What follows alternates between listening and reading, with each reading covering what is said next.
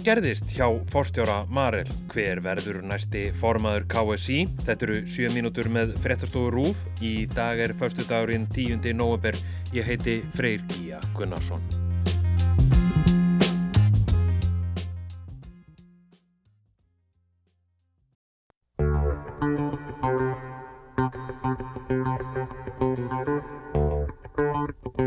Við erum nú sennilega orðin hlutfarslega of stór fiskur í lítilli tjöld. Þetta er Árni Ottur Þórðarsson. Hann hefur um ára bíl verið einn launahæsti fórstjórin í kaupöllinni, verið valinn viðskiptamaður ásins og stýrt einu verðmætasta fyrirtæki landsins. Árni Óttur Þórðarsson hefur látið á starfi fórstjóra Marels. Þar til á þriðudag.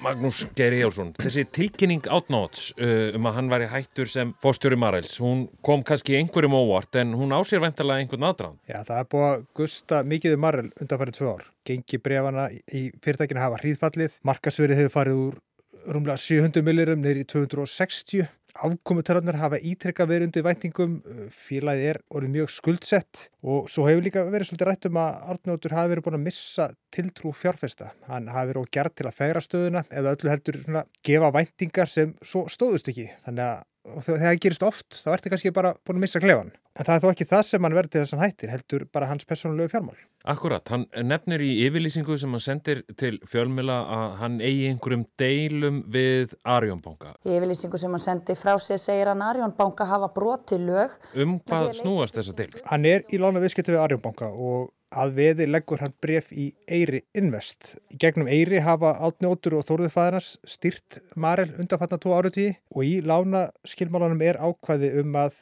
ef gengi Marel sem er langstæsta eign Eyris fari undir ákvæði viðmið að þá komið til veðkalls og samkvæmt okkar heimildum voru það 400 krónur. Það gerist í byrjun oktober og síðan þá eins og kannski má lesa út úr yfirleysingum ás átna hafa verið stífar samningaviðrar í gangi sem skil ekki árangri og enda með því að Arjónbanki tekur til sín brefin. Frá fyrstu vísbendingarnar um að það væri eitthvað að gerast hjá Marel var kannski frétt morgumblasins. Gengi hlutabrifa í Marel tók kipp þegar morgumblaði greindi frá því að erlendir fjárfestar... Um að það væru erlendir fjárfestar að skoða einhverja yfirtöku á á Marel. Hefur eitthvað heist meira af því? Það hefur ekki heist meira af því, nei. Það voru kannski svona búið að blanda fræðum fyrr. Eiri Invest tók þarna stórt lán frá bandariskum fjárfæstingarsjóðum í fyrra sem var umdelt, það vissi ekki all stjórnin að því. Í því lánarskilumálum hljóta að vera einhver ákvæði kannski um veðkall og annars líkt. Ég held að sá ángi málsins sé ekki búin og svo eins og þú segir eru bandarískir erlendir aðilar orðaði við yfirtök á Marel þannig að það er einhver bara á þetta bak við tjöldin um yfiráði félaginu. Marel hefur verið eitt verðmættsta fyrirtækið í, í kaupöldinni. Hvaða áhrif hefur þessi atbyrðar á síðustu daga haft á hlutabriði fyrirtækinu? Ég sá bara gæru í fyrirdag þess að fyrstu tvo daga eftir það Arnís hætti að hlutabriðin hafa hreinlega bara hríðfallið. Hlutabrið í Marel fjalluðum næri 6,5% í dag eftir að fórstjórin leta störfum í gær.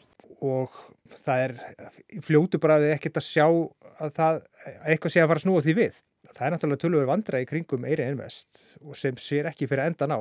Uh, Átni Sigursson uh, hefur tekið við fórstjórastöðunni, hann var aðstóðar fórstjóri, er eitthvað að vita hvort að hann verði þarna til frambúðar eða er leitin að næsta fórstjóra hafinn? Það er alls ekkert ólíklegt að hann verði þarna til frambúðar, hann er búin að vera þarna innabúðar og þekki fyrirtæki vel. Hann gengur inn í rosalega krefjandi aðstæður. Maður er náttúrulega vissulega reysa fyrirtæki og með ágættis horfur til lengri tíma en það er að skamtíma vandamál sem er, þarf að leysa og hann þarf að byrja á því að vinna tiltrú fjárfesta að hann sé maður til þess að gera það.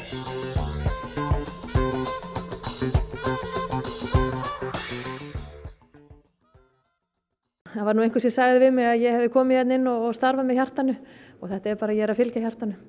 Vanda Sigurgeistóttir tilkynnti á mánudag að hún ætlaði að hætta sem formaður KSI.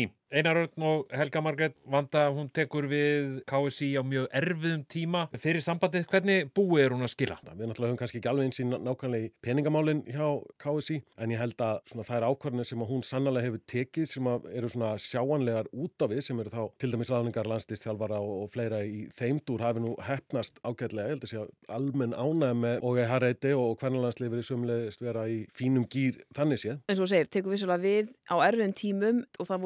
Stór mál og, og sjokkrandi mál. Það var auðveldar að gaggrina KSI fyrir ymsa hluti eftir þetta. Það sem er, stendur upp í á mér eftir þennan tíma hjá henni er treyjumálið stóra náttúrulega. Það er ekkert endur um hvort að ég fá þessu treyju heldur að þetta sé bara jafn báðu megin, þú veist, næst til einhvers stelpa nær, eitthvað liðsfélagi minna er 100 leikum, þú veist, að ef það áhaldi þess að treyju hefð að þau fá Þegar hvernig landslið fekk ekki 100 leikja treyjur eftir að Aron Einar hafi fengið 100 leikja treyjur það er svona svona augnablík þar sem að maður hefði kannski verið að sjá hlutin að gera betur. Hún var ekkit feimið með það að rýfa í gikkin það er skipt bara um landslistjálfara Arnáð Þór Viðarsson er bara látið fara og það er bara nýr landslistjálfari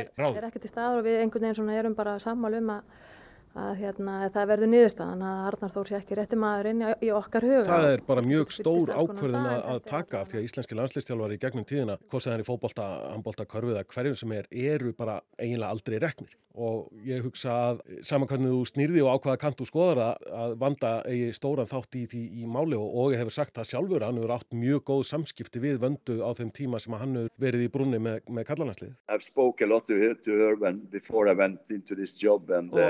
Almenn ánægi held ég bara með það að hafa í rauninni þóra að taka þessa ákvörðun. Af því þetta kom líka á þessum svona áhugavera tíma að vissulega töpum hann það fyrir Bosníu en voru svo nýbúin að vinna Lichtenstein með sigur 7-0 þannig að það að hafa bara á, þú veist þetta er væntilega samtal sem var farið að stað þarna og áður en að þessi leikir, sáleikur allavega fór fram en að hafa bara keirt á það að ganga samt í gegn með það Reka Arnar er klárlega eitt af því stærsta sem hún ger á, á sínu ferlið hana. Svo náttúrulega verður ekki komið í ljós hver verður næstu formaður fyrir en raun allir undakefni verður búin fyrir að Ásting kási er í februar, februar lok og umspilsleikinir er í, er í mars þannig að vonandi, við skulum bara vona að nýr formaður kási getur baða sér í ljóma þess að Íslands er komið á EM. Taland um nýjan formann, hverjir hafa svona verið nefndir sem líklegaðastu artaka? Mér finnst svo skemmtilegt með þess að vanga veldur allar, það koma bara strax. Vanda sendir yfirlýsingu að hún ætla ekki að gefa kost á sér og þá bara strax komið hérna, þessir eru taldir líkli lista tíu mönnum. og svo er byrjað að ringja í viðkomandi einlega undantekningalöst kalla ára nokkra konur endur á blæði líka. Og þau koma alltaf alveg að fjöldum. Það er mjög gaman að vita hversu margir hafa tekið við svona embætti stöðum